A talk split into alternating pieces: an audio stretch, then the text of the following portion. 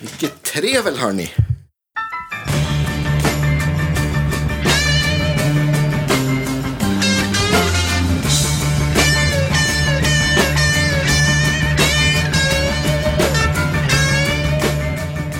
Ja, Ja. välkommen till Guitar Geeks podcast. Ja. Tack så mycket. Guitar Geeks, jag kan inte prata. Eh, avsnitt, eh, vad blir det? 281 1. Eller 82 kanske till och med. Ja, Det är så många där. så vi har inte Nej, hållit Nej men vi, ja. vi, vi, Ja, vi kör på. nå- Ja. Eh, var, välkommen hit förstärkarbyggaren, långväga gäst får man väl säga, Daniel Forsberg. Ja. Ja. Forsberg förstärkar Forsberg. elektronik. Forsberg Forsberg Amplification. musikelektronik, ja, precis. Musikelektronik. Så Förstärkarna brukar skriva Forsberg Amplification på. Ja, just det. Ja.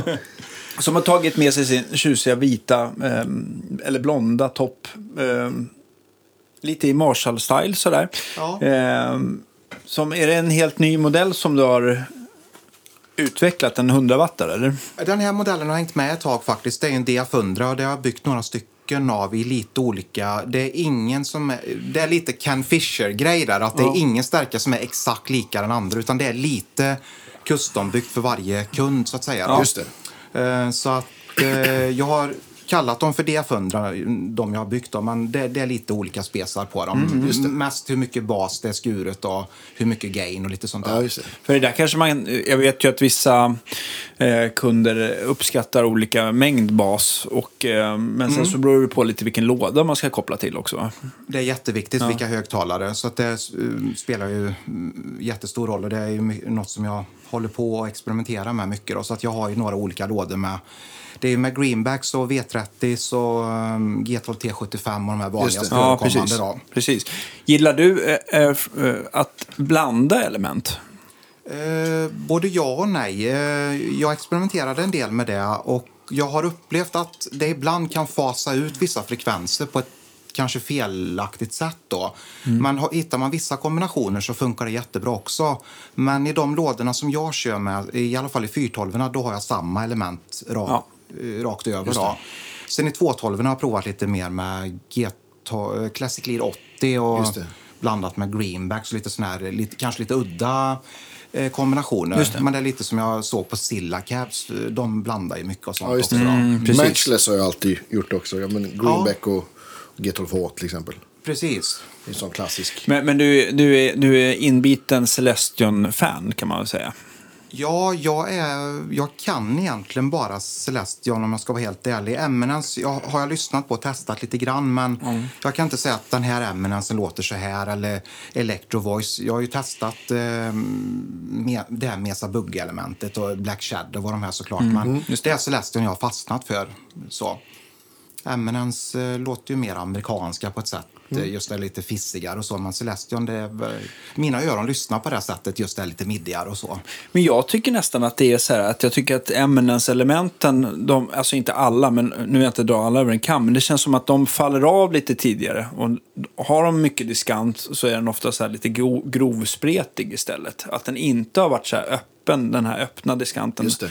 Okej. Uppåt 8 Ja. kilohertz liksom. Men det, ja, jag tycker att de har rundat av, ner lite tidigare liksom, Ja. generellt. Ja, spännande. Ja. Så att det där, äh, det kan vi ju...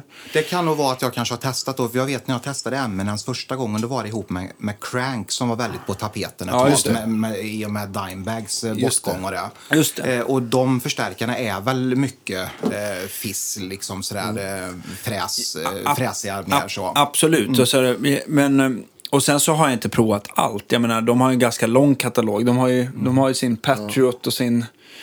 Eh, vad heter den då? Den röda serien. Den heter... Eh, Red Fang? nej, men Red Ja, du Coat har jag Red Coat, mot. ja precis. Ja. Och det är liksom 20 element i varje serie. visst. plus några signaturelement och några budget. Lynchbacks ja, och- några legend-element dessutom. Så att man har ju verkligen inte lyssnat igenom allt. Private Jack har jag använt mycket förr. Och tycker, jag- alltså, Eminence Private, den tycker jag är väldigt bra. Den och Red Fang har jag i en, en liten 412. Ja, det, låter, det är en väldigt bra sån att testa kombo. Ja. faktiskt. Den kombon är trevlig. Ja, men annars har inte jag heller, just för att de har så himla många element så är det ju, det är lite bök att testa element. Ja, de har väl en som heter Eminence Legend också va? Ja, ja absolut. Ja. Eh, Är det, det lite deras variant på Greenback eller? GB 1250 tror jag den heter i Ja, katalogen. vilken koll. Den låter inte som en greenback tycker jag. Den är, mycket, den är mycket klarare än greenback. Greenbacken tycker jag oftast har lite så här härligt att den, den grötar till det på ett så här charmigt Ja. sätt. Liksom. Exakt. Och lite mjukare. Men eh, nej, så jag tycker inte att det är någon eh, ren, ren greenback-kopia som många andra gör. Men jag, jag är också på din sida. Jag har nog också trillat dit att jag nog... Jag tycker ändå att Celeste Under blir nästan mest gitarr i slutändan. Ja, och så det man är van vid att höra från klassiska plattor då. eh, Som Ja, men man exakt. Som det. Ofta, många gånger är det ju GTV M25 man hör greenbacks och sådär, Mm. från, i alla fall från Deep Purple-eran och sådär. Ja, visst. Eh, sen har ju jag och Johan Segerborn, har ju, Johan har ju testat jättemycket högtalare sådär. Ja. Och, eh, och han har ju lärt mig en del också sådär, om högtalare såklart. Och jag och min svåger har testat mycket också. Vi hittade faktiskt en ny favorit i G12H75 Greenback som vi gillar väldigt mycket. Mm. Ah. Just det. Den är trevlig om man gillar V30 för den är Ja, liksom exakt. den är Lite lite så här, ja men den är lite den är lite mindre modern i soundet än V30 kanske man kan säga. Men den är, Ja. de är ganska lika. Så. Kan man säga att det är en blandning mellan den som du har här, alltså Creamback 65 och, och V30? Jag tycker att den är närmare V30 i sådana Ja. fall. Så här stor magnet och eh, hög verkningsgrad och ganska mycket mellanrister har jag för mig. Va? Ja, precis. Men ändå eh, en hel del topp också Ja, faktiskt. precis. då. Ja. Men väldigt balanserad Ja. upplever jag den som.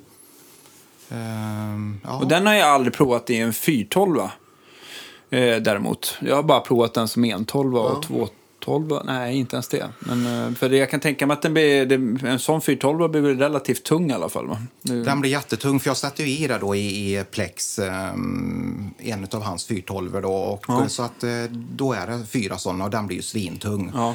Och han har tidigare kört väldigt mycket med V30 för han har tyckt de har funkat så bra i inspelningssammanhang. då. Ja. Men nu, nu har nog G12H75 tagit över mer där som han föredrar att spela in då i alla fall.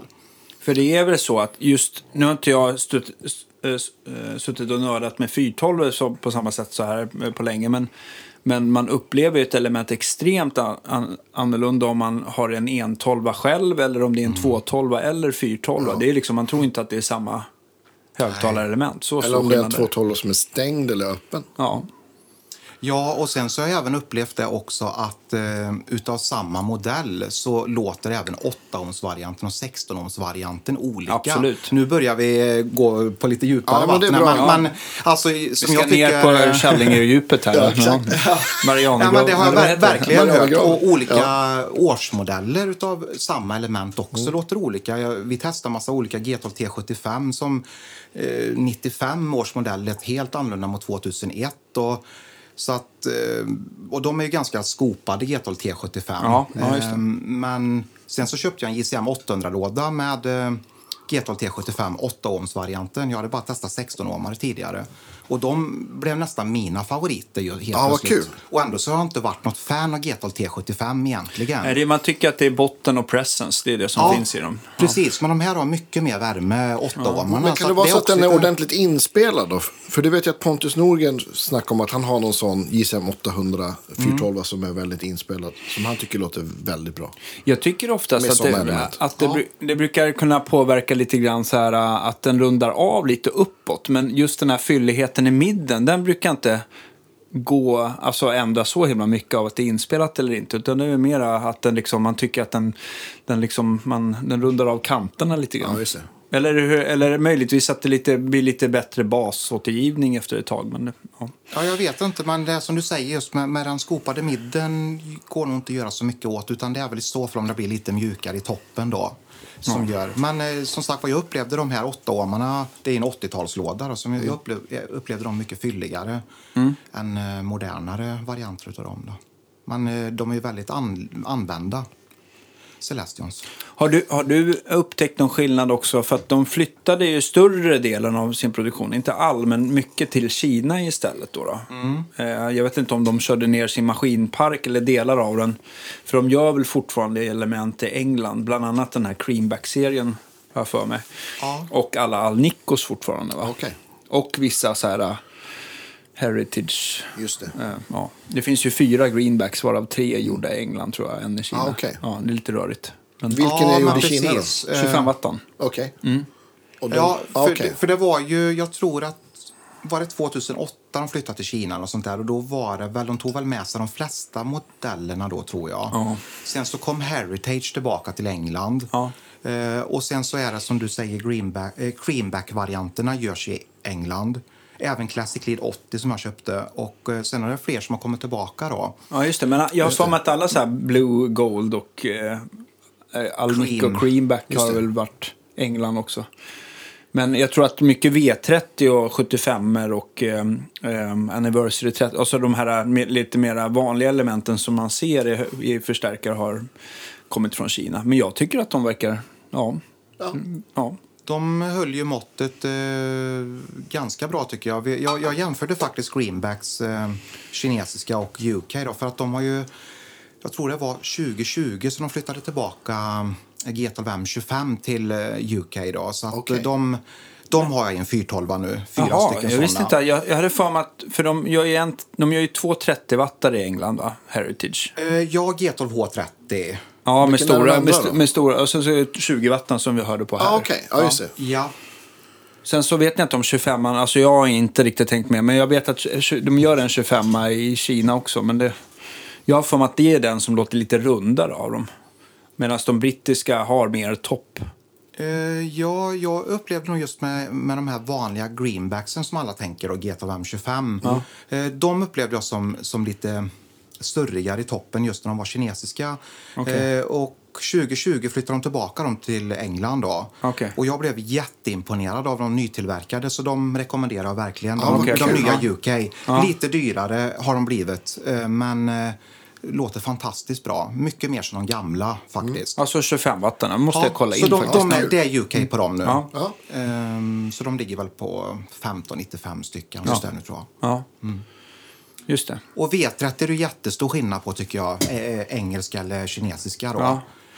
Men går det att få tag i engelska V30? För det gjordes ju också förr alltid. Men, eh, Ja, ja, det är ju om man får tag i gamla då, som, som är engelska. Jag vet ju Tube Amp Doctor hade väl NOS ett tag också, men de är helt slutsålda. Så Ja. att det är nästan bara kinesiska som dyker upp då. ja, ja, men de engelska gamla var roligare. Jag tycker att de är rundare i toppen och låter lite dyrare om man får säga så. Ja, just det. Mm.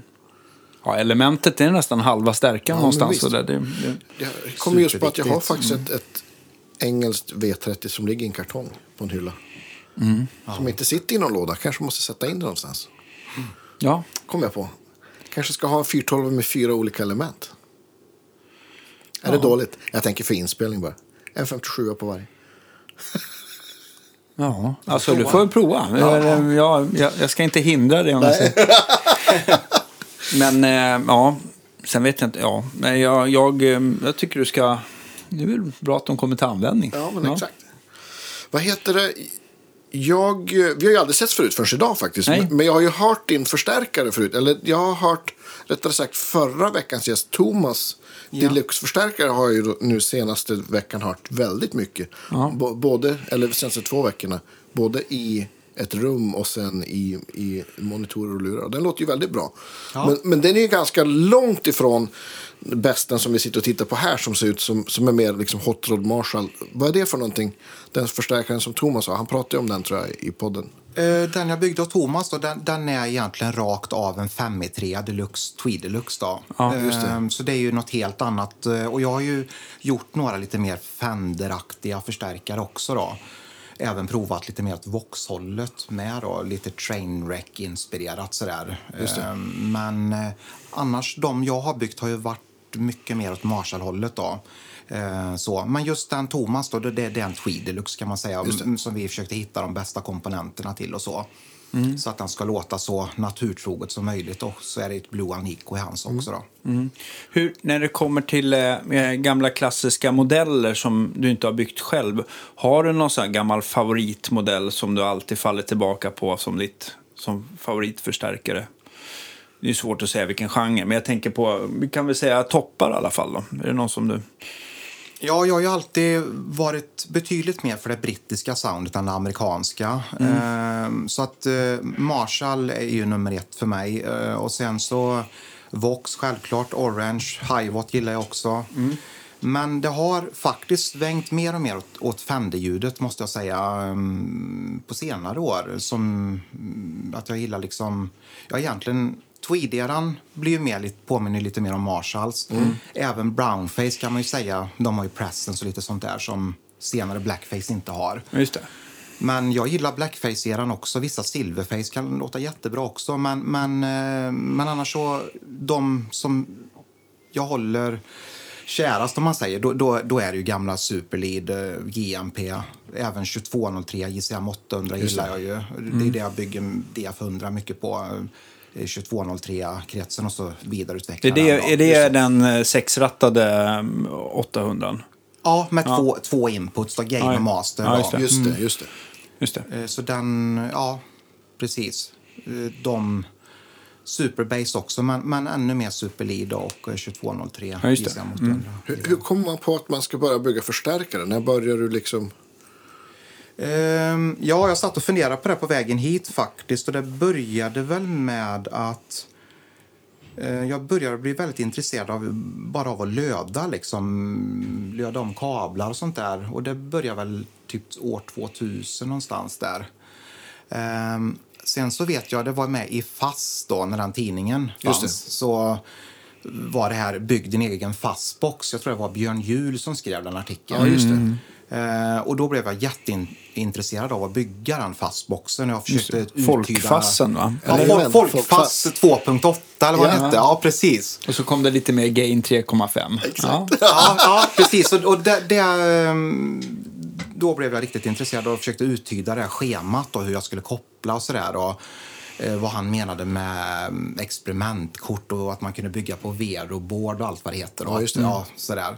Ehm, så då började jag lite smått. Och sen så märkte jag att ju mer jag repade med band jag spelade med så blev jag mer och mer intresserad av att, att ratta förstärkaren och få till bra ljud liksom, än att spela egentligen.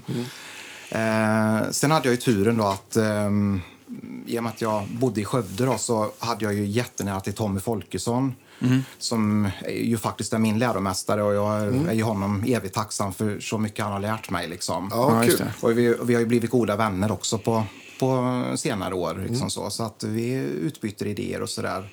Och han har ju haft jättemycket tålamod med mina frågor och sådär. och, men det, det började med så länge han var kvar i Skövde. Då, han flyttade ju till Jönköping i slutet på 2004. Då. Just det.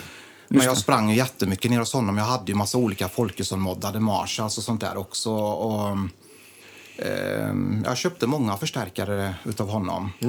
Ehm, Färdigmoddade eller som han fick modda då? Eller? Eh, Det var både och faktiskt. Men från början så var det färdigmoddade. Eh, och sen så, ja, så jag har lärt mig mycket från Tommy och från nätet. Böcker köpte jag mycket, de här Gerald Webers böcker. Just det. Som även Ken Fisher hade med flera kapitel i. Så Ken Fisher var ju också ganska tidigt en förebild sådär. Och även Mike Soldano faktiskt. Ken Fisher då, Trainwreck för dem som... Ja, Trainwreck, för, precis. våra Ja. då. Mm. Så det var... mm, Ja. Och sen... Jag, jag och Tommy till exempel, vi, vi tycker lika om det mesta. Så, men vi lyssnar lite olika också såklart. Men vi har ju många favoritgitarrister när det gäller gitarrljud och sådär gemensamt också. Sådär. Eh, och då har det varit mycket Marshall-förstärkare liksom. Ehm, Richard Blackmore, Van Halen och AC/DC, Ja, visst. Angus Young då, framförallt, men även Malcolm. Och eh, jag var ju väldigt mycket för Yngves ljud också. Han, speciellt visst. hans tidiga ljud med Alcatraz. Just det. Ehm, Dodd 250 in i en 50 watts. ja, Ja, men det är ju verkligen så här, en, som en förlängning på Richie Blackmore. Den här tonen som är Ja. nästan ren men har ett otroligt så här sjung. Liksom. Ja, precis. Rent ljud med sustain kan man säga nästan. Ja, precis. Eh, Så. Det, ja. Ja. jättemycket Richard Blackmore i början där, och det var då jag tyckte han lät som bäst. Och så var Fat Struts på den tiden, va? Eh, FS1. Ja, FS1. Och sen blev det väl de här HS3 då. Eh, Precis. Men nej, ja, det, det ljudet är ju oslagbart från, Ja, visst. från hans Sen har det ju gainats på lite mer från diverse sändare och eh, mottagare och, ja, Och boxar. och boxar. Men eh, nej, jag tror att han kan spela på sitt gamla ljud Det fortfarande. tror jag- det tror jag Om man bara vill. Ja. Ja. Ja. Ja, Vi får ja, det se. var ju det absolut bästa liksom, eh, fram tills, eh, vad kan det ha varit, Trilogy där någonting, Odyssey kanske. Just det. Innan det blev för mycket gain tycker jag. Då. Ja, men jag håller nog med. Nej, men alltså. Det är ju alla de här ljuden, då tänker man ju liksom, ja, men Marshall som ser ut ungefär som den där, fast, fast svarta liksom. I, i, det är det man ser framför sig liksom. Men började du... Du sa att du hade många av Tommys moddade förstärkare. Hade, hade du, köpte du stärkare och så moddade han dem sen? Och du tyckte, eller köpte du saker som var färdiga redan från honom så att säga? Eh, ja, I början så köpte jag färdigmoddade eh, mest. Eh, och sen så köpte jag ibland originalstärkare. Då, för att min, min första rörförstärkare det var en JCM 82204, 50-wattaren. Då. Eh, sen så tyckte jag att den blev för begränsad i bandsammanhang då, eftersom den bara hade gain och master och inte jättemycket gain heller. Nej, så att man fick ju spela väldigt starkt liksom, för att få mer dist. Då. Och den hade ingen effektloop och sådana saker. Och då blev det att eh, då byggde Tommy om den till en sån med hans klass A-mod. Då. Eh, Så det blev en, den blev fyrkanalig till slut. Den var två kanaler först och sen så blev det fyra kanaler med effektloop. Då. Sen så vill jag ha den gamla JMP-looken som det, som det är på den DF100. Eh, vilken jag tycker är allra snyggast, den utan hörnskydd och det. Och, det. och då blev det att då bytte jag till en annan eh, Marshall-topp. då, Så den, och den var nog färdigmoddad redan. Just det. Och sen ha- hade jag massa olika, för han uppgraderade ju genom åren. Då. Så det var ju Mark 3 var den första jag hade, Mark 3B och sen Mark 4 och, och så. Vad är det som, alltså just de här Mark 2, 3 och 4 från Folkesson, vad är det som har skilt? Är det vad de kan eller är det bara att de har fått nytt ljud liksom? Eh, de har väl haft eh, mer eller mindre samma features så, eh, men olika ljud då. Så att Mark 2 är väl den vildaste av de klass A-moddarna då. Sen så blir det väl lite stiligare ljud som man säger, eller liksom lite mer tillrätt tillrättalagt och, och, och så. Ehm, lite snyggare ljud om man säger Ja. så då. Friserat? Ja, precis. Så att, och, och, och rundare, varmare. För han, han byggde ju mycket på den principen med klass A-steget som han hade i, som han byggde Men, men nu, i preampen. i, pre- i preampen, precis. Ja. Ja. Mm. För han var ju mycket för det här med att ha slutstegsdist eh, på låg volym liksom i preampen. Så han byggde ju in ett litet klass A-slutsteg i preampen då. Jaha, som, Som där. han tappade av då från en, från en konstgjord högtalare då och, och vidare med signalen så som Van Halen gjorde fast med, med, liksom med hela förstärkaren. Att han kopplat en dummy-load och så tappade signalen till ett externt slutsteg. Då. Så det var den principen. Men den principen är väl inte så vanlig bland andra byggare egentligen va? Alltså om man Nej, tittar på Soldano och eh, Ken Fisher eller Dumble eller vad man nu ska... Nej, det, är väl inte, det här låter, det låter ju mycket mer avancerat. För, för er som nu sitter och, tänker på det, så Tommy har tackat ja och, och vi ska åka och hälsa på honom. Ja, precis. Det är bara- bara, jag- jag det är ska- en schemateknisk Ja, fråga bara. ja, ja. Ja, han har en sak som han har moddat som, som jag ska hämta också. Så att, Ja. så att vi har en kul, anledning ja. att åka dit också. Så det kommer. Ja, för han gör ju, det ska ju tilläggas, numera så gör han ju Eternal Classic-moddarna. Och de heter ju även Mark 7 då, som fyrkanalare. Ja. Okej. Eh, Så att han har väl lite gått ifrån det här klass A-konceptet, men han byggde ju på det i många år och det kommer han ju säkert berätta om. Mm. Ja, precis. ses Då. Men det var i alla fall ett, ett litet miniatyrklass A-slutsteg i preampen som, som man får säga är jätteunikt. Och jag har inte stött på det eh, hos någon annan. Är det någonting du har plockat fram i dina modeller någonting? Eller, eh, eller har du ar arbetat från en annat schema? Eller? Nej, jag, jag vet, jag provade lite granna för han Tommy avslöjade ju inte allt såklart, men han avslöjade lite grann hur jag kunde prova att koppla med transformatorer, för det är ju transformatorkopplingar han hade i Okej. klass A-moddarna då. Eh, Så att jag provade det lite grann, men, men jag hittade inte riktigt hem där, så att jag har ju utvecklat mer eh, just den här vanliga preamp, preamp-disten och få den att låta så bra som möjligt. Just det. Liksom. Just det. Och det tycker jag att jag blev väldigt inspirerad av det också. Det var när jag hörde Engel Savage som jag tycker faktiskt eh, lyckades med den grejen väldigt bra. Få till bra preamptist. Ja. Att man inte behövde spela svinhögt för att få det att låta riktigt bra. Liksom. Just det. Så um, det, det, ja, det skulle också nämnas just med att jag gillar Engel också. Då. Ja, just det. Tyska ängel. Ja. Det- Är det inte det Blackmore spelar på numera, eller? Ja, han hade väl någon signatur, eller har någon signaturmodell. Ja, just det. Ja, Han, men det- han spelar väl bara luta numera, höll jag på att säga. Ja, Ja, genom precis. en ängelförstärkare. Genom en engelförsäkring. Ja, Ja. men han hade ju en signaturmodell där. Ja, just det. Ja. ja, men exakt. Mm. Ja, jag, har, jag har inte testat så många ängel. Så att jag, det, det, det är lite så här svart hål för mig. Nej, precis. Ja, Finns men, de i Sverige ens nu? Nej, jag tror inte att det finns någon grossist. Men eh, jag vet inte, jag har inte sett Nej. det på länge.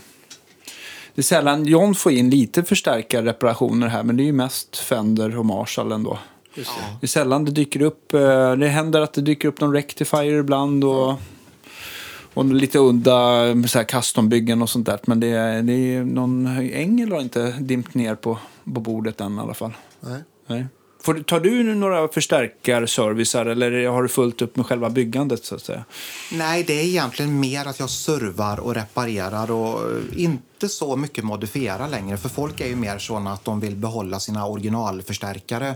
Så moddar blir inte så mycket längre som Nej. det var längre tillbaka när jag började. Då. För jag började ju blöda i förstärkare 2004 där ja. Och sen så ja, hade jag väl kommit igång kanske ja, 06, 07, 08 Ja. där någonstans. Då. Så, och då var det ju mer att man kunde modda Marshalls och sånt, men det har liksom ebbat ut lite grann. Så att det är mest service och underhåll, reparationer och återställa till original och sådana saker. Och sen mina egna byggen såklart då. Men eh, mest reparationer och service. Ja, just det. Men, men den här förstärkaren som vi har framför oss här, vi, den, den ser ut som en, som en, eh, en härlig gammal Marshall med, med master och gain.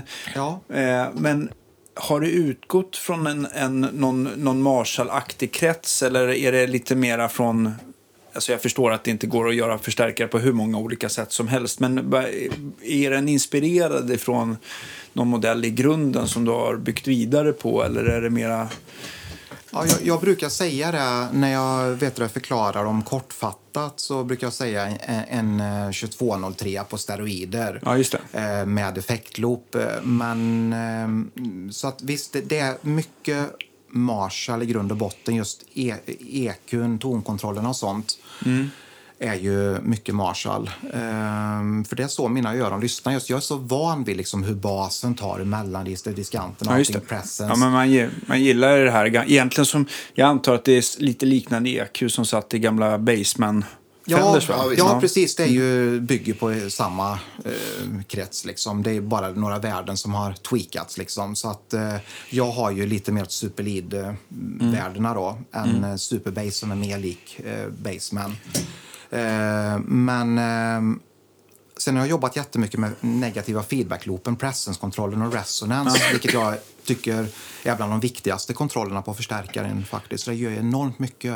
Resonance för folk som inte vet, det är alltså eh, egentligen den få, på, alltså presence är har ju med återkopplingar att göra, men den står ju, styr väl, eller sköter väl egentligen mera övertonserien och eh, de högre frekvenserna, medan resonance blir liksom åt andra hållet, att den tar hand om de låga frekvenserna, hur mycket Ja, hur precis. subbigt, eh, Subbasen. sub, subbasen liksom lite grann. lite under den vanliga baskontrollen egentligen så att man får det här omfet i att det lyfter eller blir det. botten i lådan då, så att man kan anpassa till olika lådor. Och lokaler. Och lokaler, precis. Och, och Prestons då som, som jobbar olika med beroende på vilken högtalare man kopplar in i. Liksom. Det är Superviktigt alltså, att få det rätt. Ja. För, för, för en, eh, en, eh, en eh, lekman vad det gäller liksom förstärkarkonstruktion som jag, kan man förklara det här med feedback-loopar och sånt på ett mer begripligt sätt? Jag, jag förstår nej. konceptet, men nej, det går inte. Nej, men det är, det är väl... Alltså jag... Vad jag förstår, nu kan du rätta mig, så att vi bara, men vad jag förstår med, med den här negativ feedback eller återkoppling i slutsteget, det har, har man en väldigt hög återkoppling i slutsteget så kan ju stärken låta som att den blir lite tajtare och stiffare, men till slut så om man har det för mycket så blir den nästan så stel och nästan tappar liksom, den blir för tråkig att spela på. Ja, eh, för att har man till exempel ingen negativ feedback, eh, då blir ju Typ förstärk... Vox. Typ Eh, Vox, ja AC30. precis. Ja, många klass A-stärkare, men, men Vox AC30 är ett jättebra exempel. Eh, Den förstärkaren blir ju vildare och mer, mer slutstegsdist kan man säga om man förklarar det enkelt. Ja. Medan negativ feedback det var egentligen till för att göra förstärkaren renare. Ah, För det är ju en återkoppling av signalen, vilket... ehm, ja, hur ska jag förklara? När du har presence på fullt, då har du minimalt med negativ återkoppling. Men när du har den på noll presence, då har du maximalt med negativ återkoppling. Det är lite svårt att förklara. men Jaha, det blir... så att presence-knappen styr också lite hur mycket återkoppling det är? Ja, precis. Och sen blir det ju då att när du har presence... Eh, det tog lång tid innan jag fattade hur detta hängde ihop. Men det blir ju alltså när du har presence på max, då, då mutar du de höga frekvenserna i preampen och då går de ut i högtalaren istället. Så att eh, det, det, det är jättekonstigt. Vadå, går eh, de till slutsteget direkt då? Eh, man har ju en återkoppling till fasvändarsteget igen Ah, okej. med den negativa feedbackloopen. Och då presence-filtret, det är ju eh, ett... Eh, eh, ja, det är ett filter som filtrerar eh, diskant och hö högt mellanregister. Mm. Och då när du har presence på max, då kortsluter det de höga frekvenserna till jord. Ja. Och då går inte de frekvenserna tillbaka till fasvända, till preampen, men de går ut i högtalaren istället. Och då det blir upplever vi det som att, då upplever vi det som att vi får mer fräs och surr ut i högtalaren. Och samma blir det då med resonans. Då, då, då, vet du då begränsar man, eh, nu ska vi se så jag säger rätt till det här, då, då begränsar man hur mycket låga frekvenser som går tillbaka till preampen så att de går ut i högtalaren istället. Just det. Så, så, så, så funkar det om jag kan förklara på någorlunda sätt. Ja, men visst. Ja, Men Men, de funkar lite annorlunda också än, än, än, än, ett vanligt filter. För den vanliga filtren, de har, brukar väl ha... Jag kan tänka mig Presence, de har väl lite bredare omfång och resonans också rent frekvensmässigt jämfört med bas eller treble-ratten. De är väl lite mer resonanta Ja. och eller lite smalare kuvare kanske man kan Ja. säga. Har jag för mig va? Ja, För- man kan ju styra det där också i vilka register de ska ta i. Men, men, Ja, eh, Mm. men eh, vet du, nu kommer inte jag exakt ihåg i vilka register det blir att en typisk Marshall Presence jobbar i. Men det är väl, det, jag upplever den som lite högre än treble, va? Att han jobbar lite mer Precis. i det här fräsiga, surriga. Jag gillar när de, när de, när de tar lite ovanför treble-ratten. Ibland så kan de ju ta nästan lägre än treble-ratten, Ja. att de börjar redan i mellanristet. Precis. Men kan det bli lite ja, för mycket av det goda. Men, Mm. men äh, jäklar vad kul. Eh, när det gäller, när det gäller så komponentval. Eh, man ser ju så här. Eh, en stärkare kan ju se hur tjusig ut på utsidan som helst. Då. Det ser lyxigt ut precis som den här. Men hur tänker man så här? Eh, hur tänker du så här på insidan?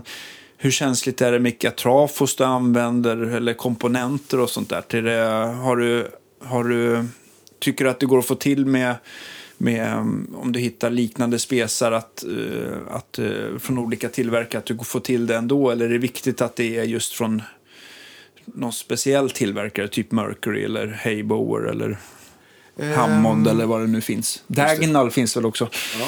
Ja. Diagonal, ja precis. Ja. I den här specifika mm, förstärkaren som vi har här nu, då sitter det Diagonal. Ja. Eh, och sen så sitter det faktiskt en Tubamp Doctors, eh, eller nej, eh, Tubetowns egentillverkade nättrafo. Ja. Okej. Eh, det står i alla fall Made in EU på Ja. dem. Så jag, jag tror att de, om de nu, vart de nu framställer dem då. Men, Mm. eh, så att jag har, jag har kört med olika trafos och jag har även köpt med Hammond ganska mycket. Ja.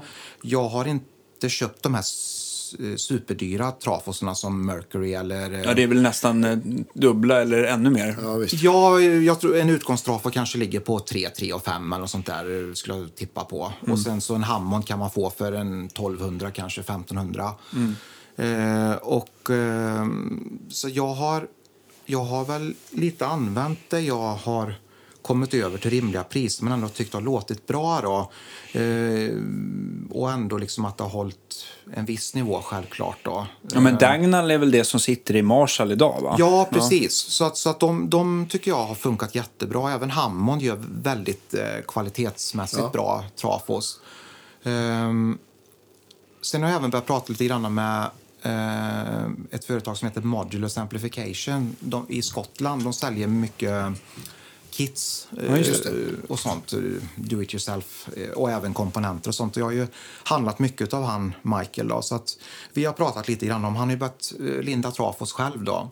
Så får vi se lite grann vad som kan hända där. Om man kan hitta något samarbete eller så vore jättekul om man ändå kunde bli lite mer att man hittar ett fabrikat eller någonting som man, som man kommer köra på fullt men ut sen då. Just det. För man, det ska ju både låta bra, tänker jag, men det ska också Gå kännas eh, rejält och att det ska hålla på sikt. Ja, och att eh, modellerna eh, låter, eh, eller har sitt signatursound och så också. För trafosarna gör ju väldigt stor skillnad i ljudet, liksom. framförallt utgångstrafon då. Men nättrafon är också jätteviktig, liksom att han pallar med så att det inte blir för mycket säg och såna här grejer. Och, Just det. Så det är många ser förbi nättrafon tror jag. Men, eh, Det tror jag också. Och det tittar man, lyfter man upp eh, locket på en sån här PV 6505 så, så den ska ju, den ska ju liksom spesa 50 watt eller någonting. Men tittar man på traforna så är de betydligt mindre än vad det brukar vara i en 50 watt. Jaha, okej. Så att De har snålat. Nej, men alltså man kan, ju, man kan ju få till det där med att man antagligen får skära ner på bandbredd.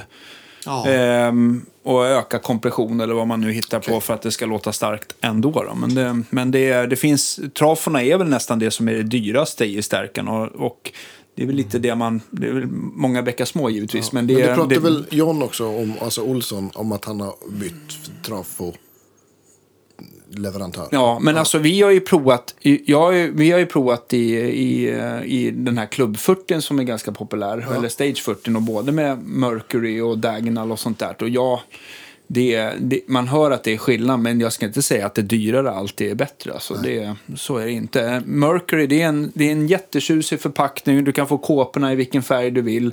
Och de har gjort sig ett namn. Eh, de levererar snabbt, men det tar de betalt för liksom.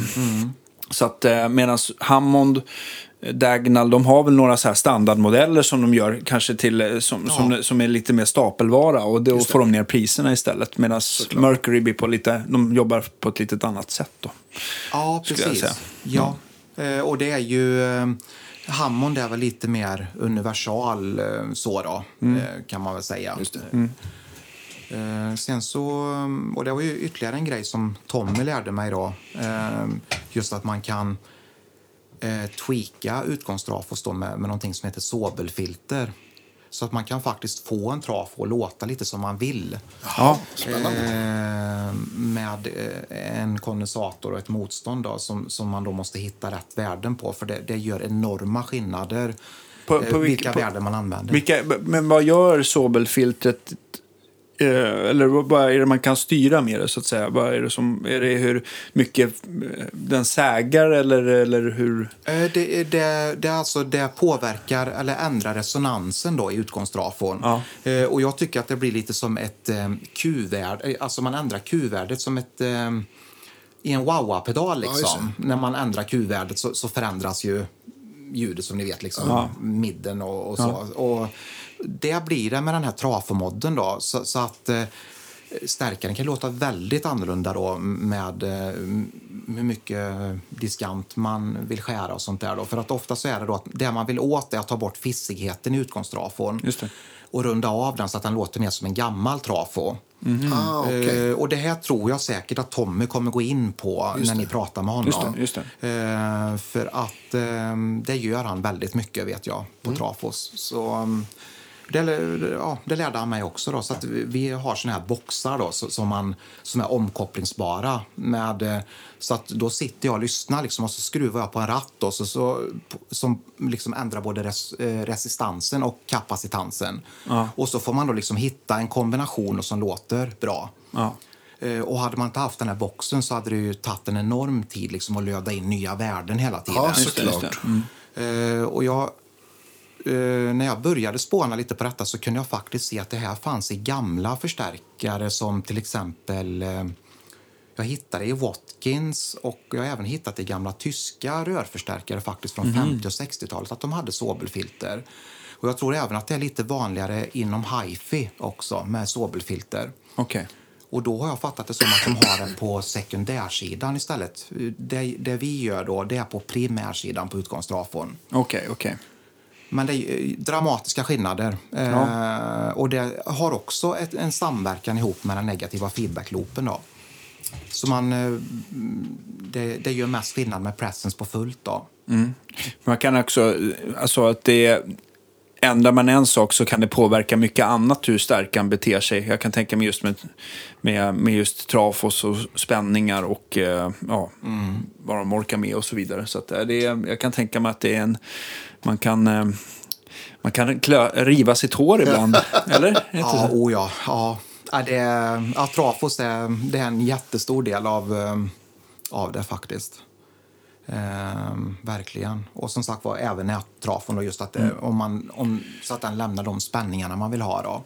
Jag tänker på, nu är ju världen i gungning och sånt där. Och, men om vi går in på rör ja. så har det ju funnits mycket så här kinesiska och ryska tillverkare just nu. Mm. Har du hittat någon favorit som du tycker har funkat bättre eller håller bättre ljudmässigt? Eller känns, känns det som att det är lättare att få till med, med olika rör än, än trafo, som du förstår vad jag menar. Att, eh, att det inte är lika känsligt, eller, eller upplever du att rör är A och O vad man väljer för någonting? Jag tycker att trafos gör större skillnad eh, än vad rör gör. Ja. Eh, så att jag har faktiskt mer valt rör ur kvalitetssynpunkt. Eh, att, att de ska hålla. Ja. Eh, för jag tycker inte att det är några dramatiska skillnader om man liksom provar olika EL34 med samma bias och sånt. Mm. För ofta så kan det vara om folk har hört skillnad på olika EL34 Ja, man har, har ni justerat biasen när ni har AB-testat eller har den varit densamma? Ja, det, det, är så mycket sånt man får tänka på också. Men jag tror alltså att skulle man ställa biasen på exakt samma på, på JI till exempel mot Shugang, då, kinesiska, så jag tror inte att det skulle vara någon dramatisk skillnad. Jag har inte spelat in AB-testat utan detta är bara så när jag har suttit och lyssnat live. Då. Men Eh, det skulle vara spännande att göra ett sånt test. Vi gjorde lite sånt förstärkartest, men då testade vi egentligen olika rörtyper. Kommer du ihåg det? Vi gjorde ja, några förstärkartest för flera år sedan.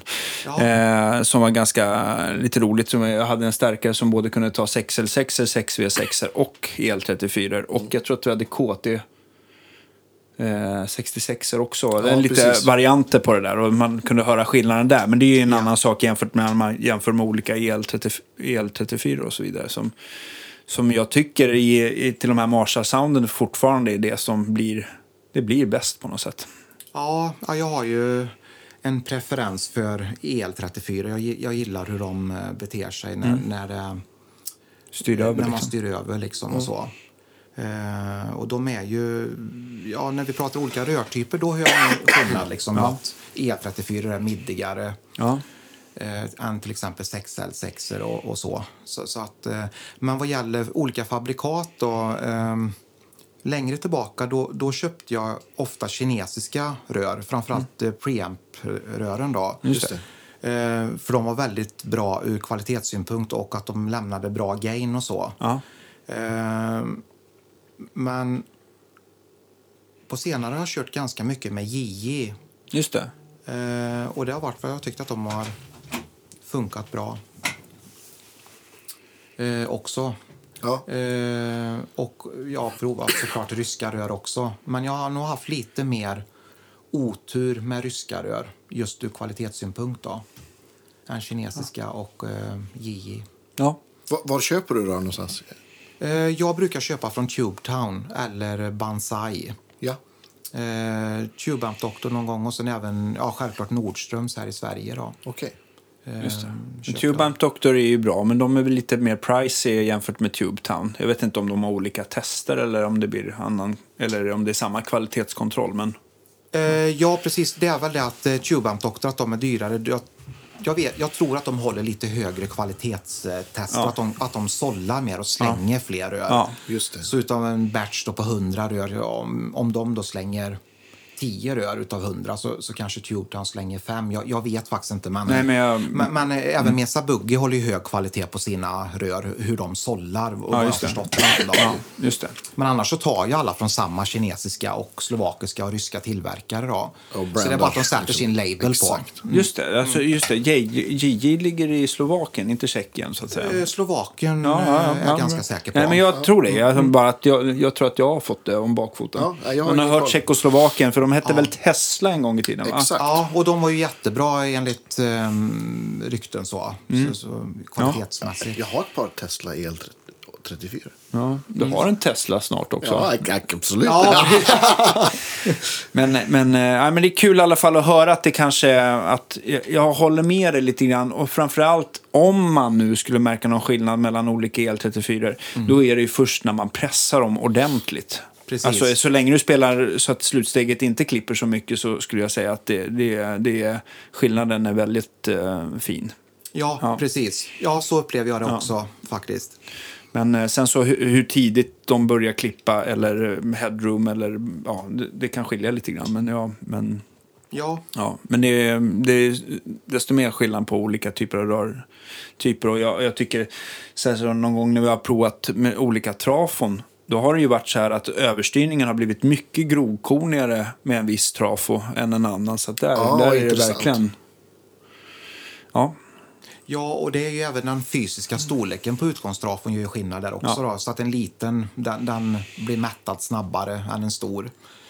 Och om man då går in på det, jag vet som Steve, Steve Ray Vaughan till exempel, han, han eh, satte ju i Twin Reverb-trafos i sina eh, Super Reverb och eh, Vibroverb körde han väl på också. För att han ville ha det höga headroomet. Just det. Och, och han ville inte ha en trafo som sackade tydligen. Nej. Så det var väl hans tekniker. Cesar Diaz tror jag, eh, som, som bytte trafos. Och han ville byta trafos ganska ofta vet jag. Jag läste någonstans då. Så ehm, Man kan ju förstå varför han landade på Major och Steel String Singers ändå. 150 Ja. watt. Ja, Väldigt, väldigt mycket headroom. Verkligen. kan man säga. Men ändå, så det är rent ljud med sustain där också. Ja, men precis. Ja. Exakt. Jag gillar ju Steve, Steves ljud väldigt mycket också. Ja.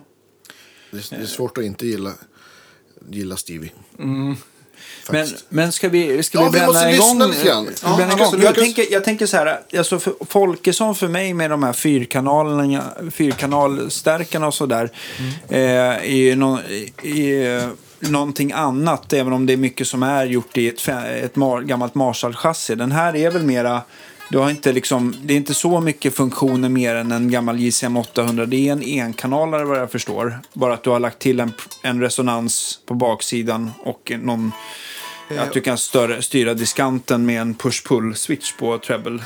Ja, och det, Var, det var faktiskt eh, kunden som önskade det. Då. Jag, jag har ju lånat den här toppen för, Ja. för detta. Ja. Ehm, jag, hade, jag hade ingen hemma på lager just nu som jag kunde ta med, utan då lånade jag hans. Ja. Eh, och eh, han ville ha den eh, tone shiften, eller det är som en, som en eh, mid-scoop lite, då, den just det. push-pull-funktionen. Så det, det är en liten specialare. Ja. Eh, för den var, det var ett permanent filter, men sen så hade han A, betastat några inspelningar och eh, då sa han att ah, man så som den lät från början, jag gillar det också, så att går det att få någon, någon option att man kan eh, switcha mellan dem. Och så då fixade de en push-pull-put. Eh, annars är det en enkanalig gain master med effektloop och resonance. Och, och så har alla DF-hundar varit, eller? Nej, jag, jag har gjort två och trekanaliga också faktiskt. Ja, okej. Eh, så att jag brukar säga att vill man ha ett riktigt tonmonster så, så är det väl en enkanalig utan effektloop egentligen. För då har man ju så lite signalförlust som Ja. möjligt. Man brukar ju alltid tappa... Eh, effektloop är ju egentligen en kompromiss tycker jag. För att man tappar en del ton i effektloopen. Man måste vara jätteförsiktig med hur man eh, designar en effektloop. Eh, för det, det, det är mycket som, som kan gå snett där just med eh, vad man har för sändnivå till pedalerna. Och, så inte de eh, skiter ner sig såklart, ja. Mm. Ja, precis. För det var det mycket på 80-talsstärkarna. Då var det, då är det på tok för höga sändnivåer för att då var de ju anpassade för rack, Ja, eh, precis. rackprylar. Eh, Så jag gör ju sändnivåerna så att de är anpassade för pedaler då. Just Eh, Och sen så vill det ju till att man inte höjer upp signalen för mycket så att det liksom att effektloopen lä- lägger till massa gain. Nej, Om- så om det man- distar på ingången istället. Där. Precis. Ja. mm. Så det är ju superviktigt. Och sen vill man inte tappa för mycket eh, diskant i effektloopen heller, vilket är jättelätt att göra om man, om man inte gör rätt, så att säga. Men hur, är det, hur, hur um, funktionsmässigt, hur löser du om man vill ha tre kanaler? Ehm, är, det, är det att man får mera rattar på baksidan eller hur, hur blir det rent estetiskt? Så där? Eh, ja, eh, för många har ju velat ha då den klassiska Marshall-lucken med sex rattar på framsidan och så GMP-lucken. Så då har jag faktiskt byggt på, på baksidan. Så då har jag oftast haft gainarna där och master, masters på framsidan. Just det. Ja, okej. Ja. Så vi får väl se om eh, jag kanske går ifrån det här eh, Marshall-looken lite och, och, och gör något lite mer eget av det. För, för många bygger ju just på Marshall-looken så att det har ju blivit lite standard nästan just med, Just med JMP-looken. Och den, den är ju det snyggaste som jag vet. Liksom. Ja, det är Men- väldigt men klassiskt. just, om man skulle ha fler kanaler och ha rattarna på framsidan så måste jag ju definitivt jobba ut något annat. Liksom. Ja, just det. Eh, och för att mi- minska på antalet hål i chassit på den här så har jag ju, som ni ser, har jag ju effektloopen på framsidan Mm. istället. Just det. För att använda de befintliga fyra eh, hålen där. Mm. Liksom då. Precis, för de var ju från början på gamla Super Lead så var det ju liksom till varsin, det var två ingångar till varsin volym. Ja, precis. Ha, eh, high och low Ja. sensitivity. Då. Mm. Just det. Ja, Och jag tänker också att ja, men, förstärkarens ägare ha, har väl den mest i en studio också. Och då Ja. är det ju mycket fiffigare att ha loopen på framsidan. tänker jag. Precis. Ja. Jag, jag tänker bara så här, eh, high-low input. Jag vet inte, är det någon av er som har arbetat? Jag tycker jag nästan alltid pluggar in, om man kanske inte, om man inte skulle ha mickar som var extremt hotta, så har det alltid varit high-ingången för mig. Är det, eller använder folk low-ingången? Jag tror det nästan bara är om man har en riktigt high output-gitarr liksom, med- heta humbuckers på eller någonting. Ja, Bartolini med, med trippla Ja. 9 batterier och More midbu- is, super more is distortion more, kanske. liksom. Ja. Klart man kopplar på high. Ja. Ja, men high brukar, för jag, man ta- tappar även lite diskant tycker jag på low. Så Ja. att, eh, ja. Eller hur? Nu, Lasta ner lite. Eh, men eh, vi hoppas att din gitarr är hel nu då. Ja, men visst. Vi har... Det har var där- den inte. Eller? Jo då.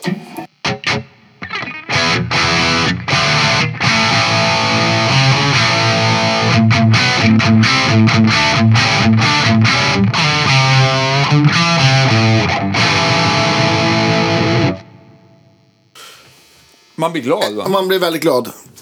Eh, SG med, eh, med eh, throwback puff-kloner. Ja.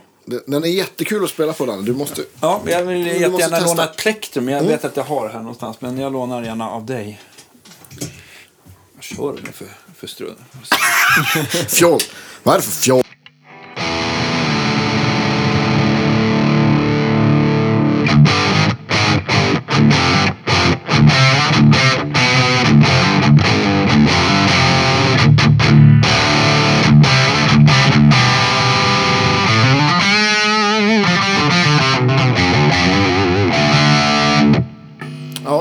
Det, det, är, det är lättspelat och härligt tycker Ja. jag. mycket. Får, får jag spela lite till? Eller låt- låt den vara där nere. Det blir bra. Nej.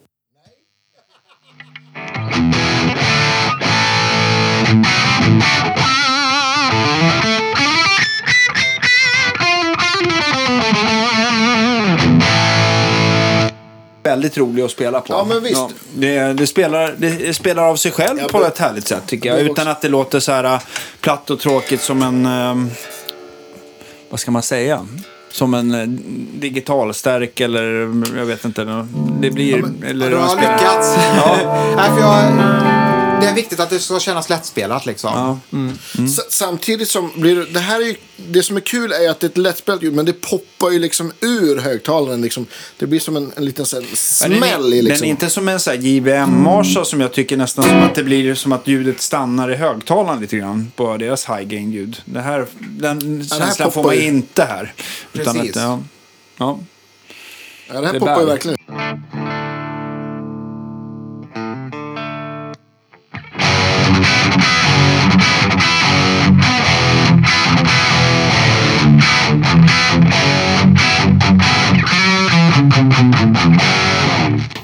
Mitt favoritriff, som Ja. jag har glömt. ja. Eller måste du ha ännu mer lättspelat ljud? ja, men exakt. Men, men hur, hur är EQn nu på... Den är ganska rakt upp, va? Eh, ja. det ser ut så. Treble klockan 12, eh, mellanregister eh, typ eh, halv 12, bas klockan 2, presence klockan 1 vad jag kan se. Sen resonans på baksidan vet jag inte om den är på fullt eller inget, men den är väl inte på noll i alla fall va? Vi, vi ställde den högt i alla fall. Ja, ja. Man gillar ju mycket, När när man, mycket när, nu när vi får spela själva och inte ha någon basist som, och trumslagare som kan klaga på en. Då, Ja, vill, då visst, får man ju dra på den där. Precis. Och vi mickar med en, en 5, 545 som både jag och Danne gillar väldigt mycket. Som är som en, ja, det är en 57. Den ser ut som en 57 fast Och så var det V30. Och V30 Ja, precis. ja. Och en rak 412. Ja, Precis. Och jag tror att den här 412 är nog lite mindre i liter än, än en Mesa eller Marshall rak. skulle Den jag ser tro. lite ja. mindre ut, Ja, ja. lite tajtare sådär. Och det gör ju också skillnad. Absolut. Ja. Jättestor skillnad eh, vilken eh, Resonansfrekvens. storlek det är på Ja. eh, lådan. Ja. Men, men, jag tänkte på just storlek på lådan. Eh, har det slagit dig mycket att det liksom har blivit helt annorlunda när du har satt i samma element i olika kabinett? Ja, det Ja. är ju jättestor skillnad faktiskt. Är det, någon som, är det någon tillverkare som du alltid har tyckt låt bättre? Ehm, jag har ju mest använt eh, Marshalls eh, JCM-lådor. Mm. Även om jag egentligen är mest fan av de här gamla Basket Weave-lådorna. Just det.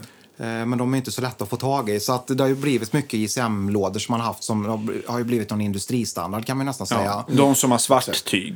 Ja, ja, JCM 800 och JCM 900-lådorna. Ja, just det, just det. 1960 Just det. A har det varit mest. Jag har inte så stor erfarenhet av eh, B-lådor som utav de vinklade A-lådorna. Då. Mm. Eh, men ja, Marshall-lådor. Sen har jag en Laney-låda hemma, en 412. Mm.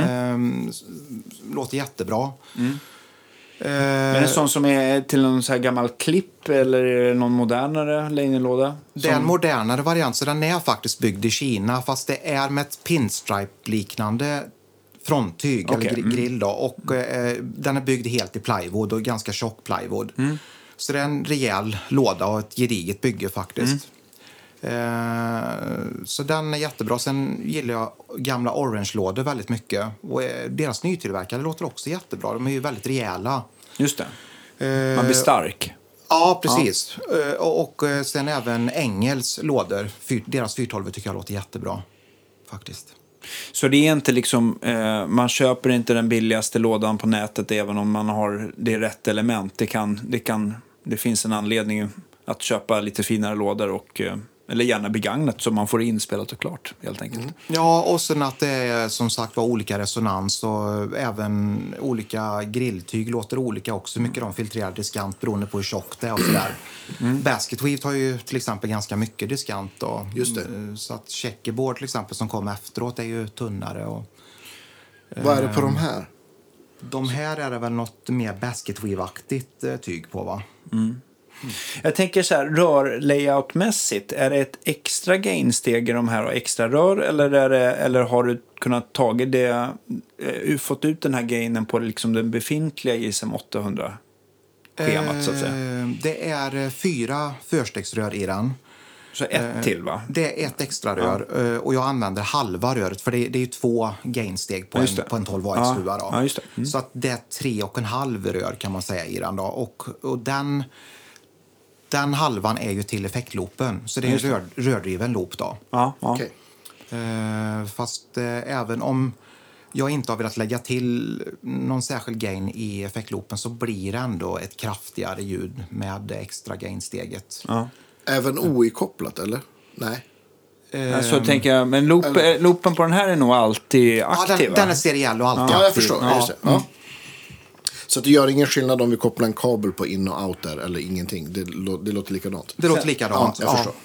det gör det.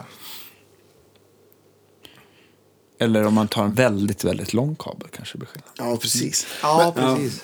Men, men, den, men den här, jag tänker, är den, det här är ju ett liksom otroligt eh, roligt och eh, fläskigt ljud. Hur låter det om man gainar, gainar den mindre och, och, och, och mer, eller jag, säga.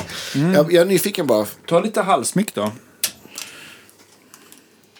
Mm-hmm.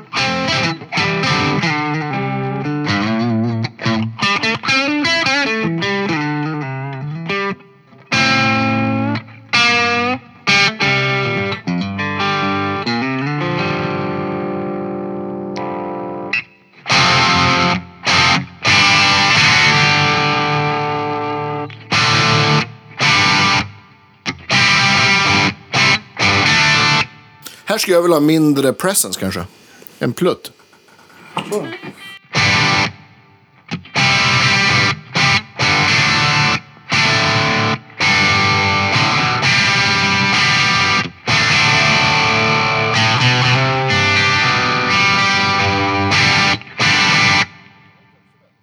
Nu, har, nu står alla filter typ klockan 12, tror jag. Nej, basen lite mer. Men sen så nu är gainen nere på, ja, strax innan nio. Klockan nio. Just det. Ja, det här låter ju väldigt, väldigt, väldigt bra också. Men då du fick beställningen på just den här förstärkaren, vad var liksom... eh, Sa, sa han liksom hur, hur han ville att den skulle vara? Eller, eller jobbade ni, ni fram någonting tillsammans? Eller? Uh, vi ska se, det var att han hade testat någon Marshall-topp som jag hade moddat på liknande sätt. För det var lite så det började, att jag moddade JMPs och uh, JCM 800 då, med liknande spetsar. Just det. Eh, Utan att det blev extra borrhål och sådana saker, men eh, liksom, ja, enklare så. Eh, Och då vill han ha det åt det hållet. Eller om det var att han hade testat någon annan DF-modell. Jag minns inte riktigt exakt, men jag visste på ett ungefär hur han ville ha det då. Eh, och jag tycker ju om när det är lite, lite skuren bas och sånt så att det blir tajtare och att det inte blir så här bumligt och svampigt i basen. Utan jag vill ha väldigt snabb attack och att det är ett direktljud. Och då upplever jag även att det låter bättre på lägre volymer också när det redan är tajt och fokuserat. Då. Basfrekvenser är ju, är ju, tar ju mycket effekt, så att säga. Ja, precis. Ja, coolt. Ska vi lyssna på, på mer gain? Det här är ju kanske inte en Ska vi ta- som är... Du kan ju prova om du vill och rulla av lite eh, volym på gitarren. Så det ska kunna gå att cleana upp i Ja, stort sett. Ja, men. Ja, vi ställer, nu ställer vi gainen klockan eh, två då, ungefär. ursäkta mina gamla strängar.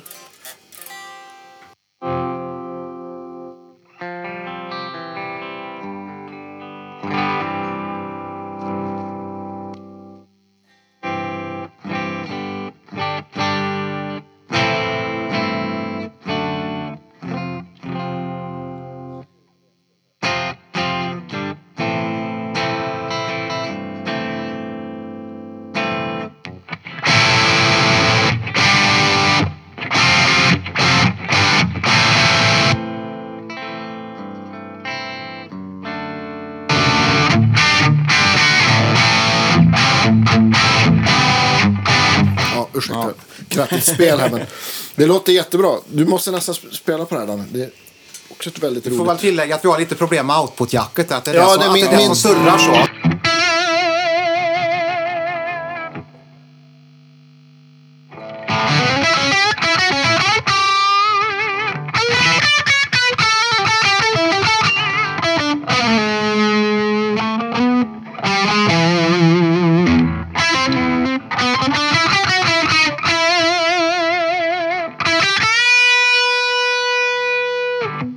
Lite så här coolt när det blir de här vokala övergångarna på paff-liknande mickar. Så.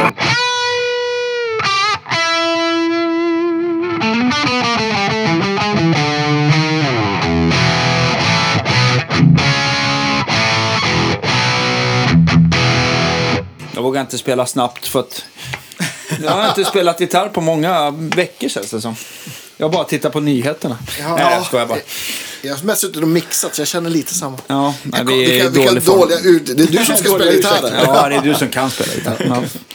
Vi Mer tycker- gain då. För när Ja, vi var, när vi ska du få gain!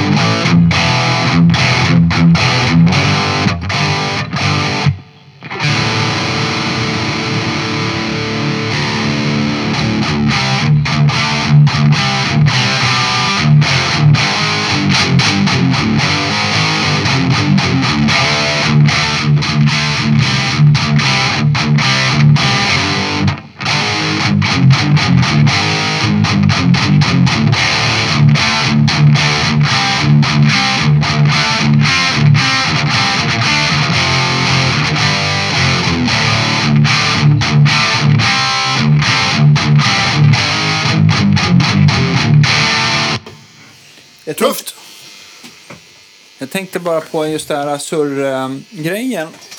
Om man, Det är därför om det- min gitarr är hos Danne. Nej, men jag ska... tänkte, jag tänkte den ska om lagas. det kan vara så att jag har att de här är så här semibalanserade. det Ah, det är Från en directional. annan kabel. Nej, men att den är, den är eh, tänkt att den ska gå åt ett håll bara. Vi ska se. Men det blev ännu värre. Ännu, Då var det blev något ännu andra hållet. Blev. Ja, det blev ännu sämre. Ska vi se om vi har ytterligare någon... eh, Jag har inte varit med om att eh, annars eh, att stärkaren är ovanligt tyst. Även Ja, om man ja, har visst. Mycket gain liksom. Ja, visst.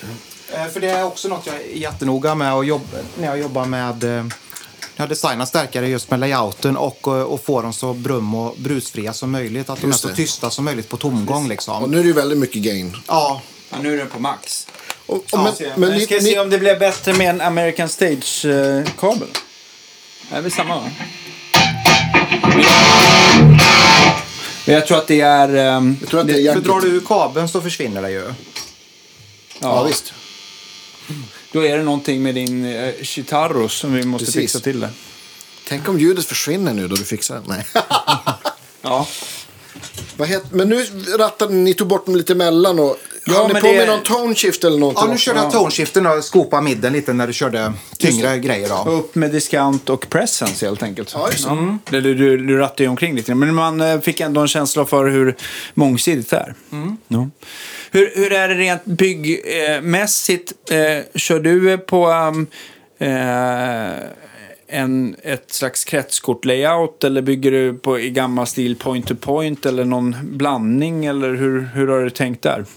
Eh, Jag gjorde det i början, byggde jag point to point, men eh, sen för att göra det liksom ja, liksom snyggare, proffsigare på ett sätt så, så blev det kretskort faktiskt. Så att jag, eh, det fick jag tag i, det var faktiskt Granger Amplification i USA som, som jag fick nys om att de, jag, Just det. frå, jag frågade om han hade möjlighet att kunna framställa kretskort åt mig. Då, för att jag sökte från början JMP-kort, alltså så att jag kunde göra JMP, Superlead och eh, ja, 2203 eh, kloner.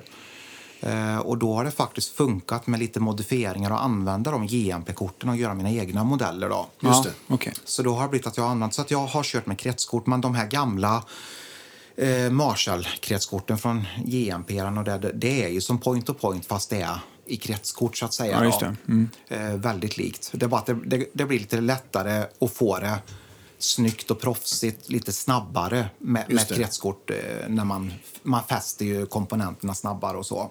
Men hur har det varit så här om du har en kund som sitter med och ni håller på och tweakar och sånt där? Har det varit, eh, har det varit någon skillnad då att om man behöver byta komponenter eller har det gått lika smidigt liksom? Eh, ja, det är klart att det är alltid lättare när point to point om man ska modda. Då. Eh, så att då har det oftast varit att då har vi testat fram de värdena som låter bäst. Och sen har jag helt enkelt eh, vänt på kretskortet och gjort det ordentligt efteråt. Liksom. Ja, Att, okej. eh, ja, ja, helt, ja, precis. Vänt på kretskortet och lött som man ska göra. Eh, Och sen får det bli lite experimentaktigt. Att det, det ser eh, jäkligt ut liksom när man testar, men, men det rättas till. Ja, ja. Hur, hur tänker du så här äh, när det gäller olika eh, motstånd och kondensatorer och elektrolyter? Hur mycket spelar det roll? Eller är det mera värdet som spelar roll? Eller är det även tillverkaren och sättet de är gjorda på? Eh, Jag tycker att elektrolytkondensatorerna i nätdelen är jätteviktiga att få rätt. Och eh, det har blivit att jag har använt F och T. De är tysktillverkade elektrolytkondningar. De är lite dyrare än, än eh, till exempel JIs kondningar.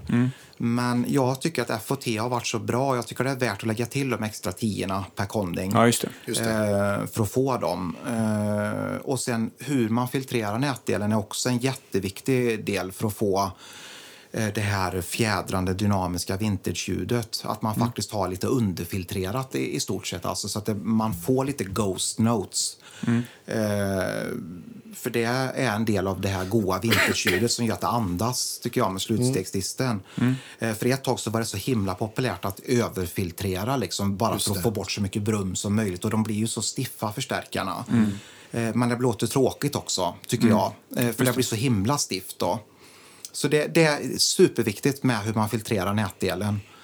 Ehm, sen i preampen så brukar jag köra med envattare motstånd. Det Mm. kanske räcker med kvartsvattare många gånger eller halvvattare. Men Och det fin- finns väl ännu mer också man behöver? Finns det inte fyrvattare eller? Ja, femvattare är oftast skärmgallermotstånden. Ja, just just Så, det är ju, eller i, nätdelen så har man ju då eh, där högspänningen går så brukar det vara två wattar och sådär. Så. Ja, just det. Men det ska jag Men orka. eh, Det som ska... envattare brukar jag ha som minst då. Ja, ja. Mm. Eh, och sen om man vill ha... Sen kan man även kolla på om man vill ha väldigt logaritmiska volymportar till exempel så är det ju vissa som är bättre än andra. CTS till exempel har ju olika modeller med hur logaritmiska Ja, portarna det. är och så. Och det är ju viktigt på gitarren också om Mm. man vill ha väldigt logaritmiskt. Man ser annars mycket alfaputtar i många tillverkare, stärkare och sådär. Har du märkt någon skillnad i kvalitet mellan de olika Eh, tillverkarna, sådär, CTS och, och alfa som kanske är de vanligaste man ser?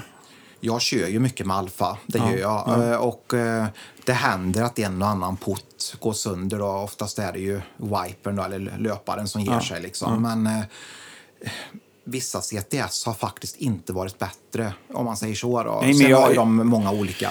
Precis, men när man håller på, när man håller på med gitarrelektronik då är det ju, då är det mycket CTS, mycket amerikanska tillverkare. Och jag kan ju inte säga att det alltid är felfritt heller. De kan ju få...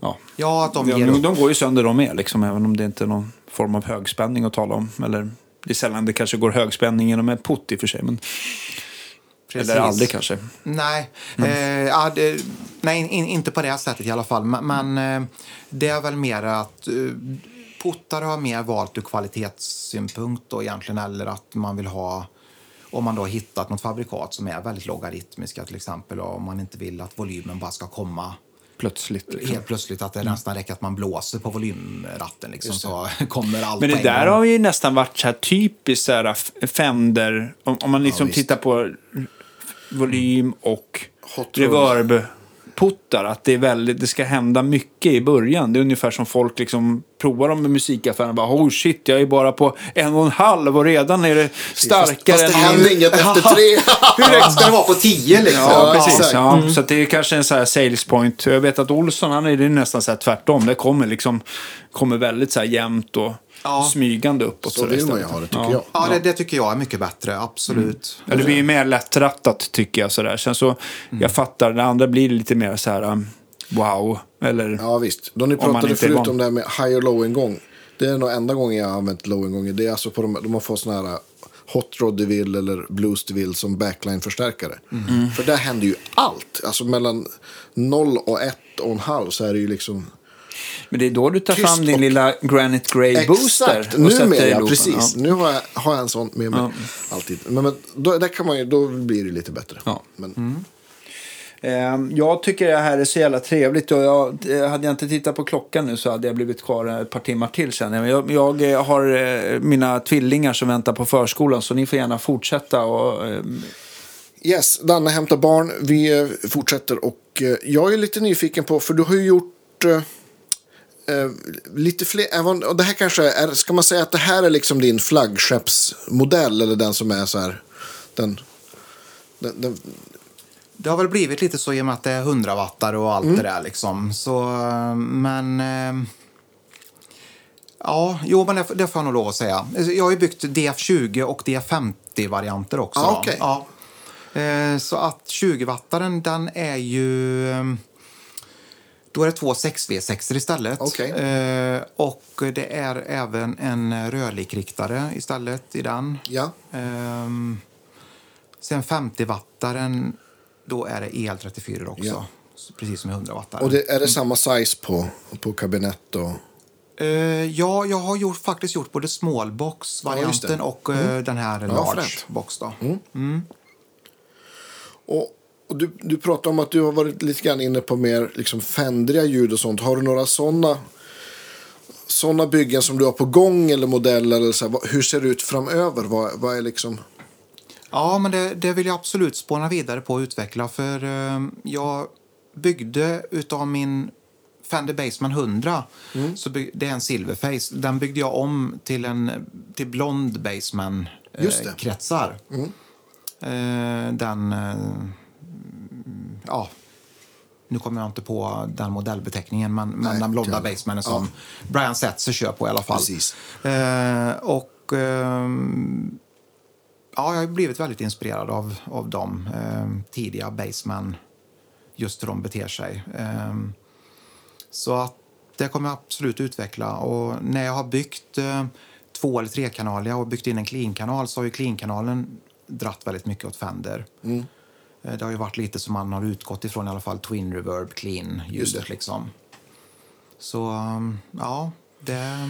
Ha, har du, eh, du sa ju förut det att ja, men ska man ha det så, så bra som möjligt ska man inte ens ha en, en loop. Kan man generalisera och säga att ju fler kanaler desto mer kompromiss? Eller är det en sanning med modifikation? Nej, det blir nog lite så tycker jag då, precis som effektloopen, att det är lite grann en kompromiss också med fler kanaler. För det blir ju fler signalvägar och det ska ju gå via reläer eller vad, vad man nu väljer att switcha kanalerna med då.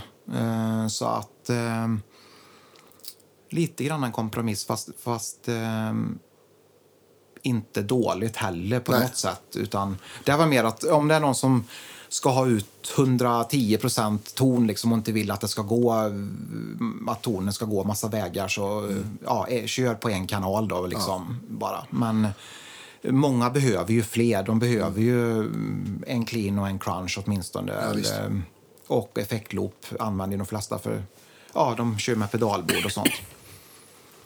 Jag tänker att om man kör enkanalig förstärkare då kan man ju ha fler förstärkare istället. Ja, precis. Ja, switcha mellan. ja, exakt. Ja. Säger han som precis har köpt en amp switcher. Ja, du köpte en sån ja. ja, jag köpte en Ampit. Jag provade faktiskt en sån. Så att, eh, ja. Ja, Göran kom och, och demade och jag föll som en fura. Det blev årets julklapp. Ja.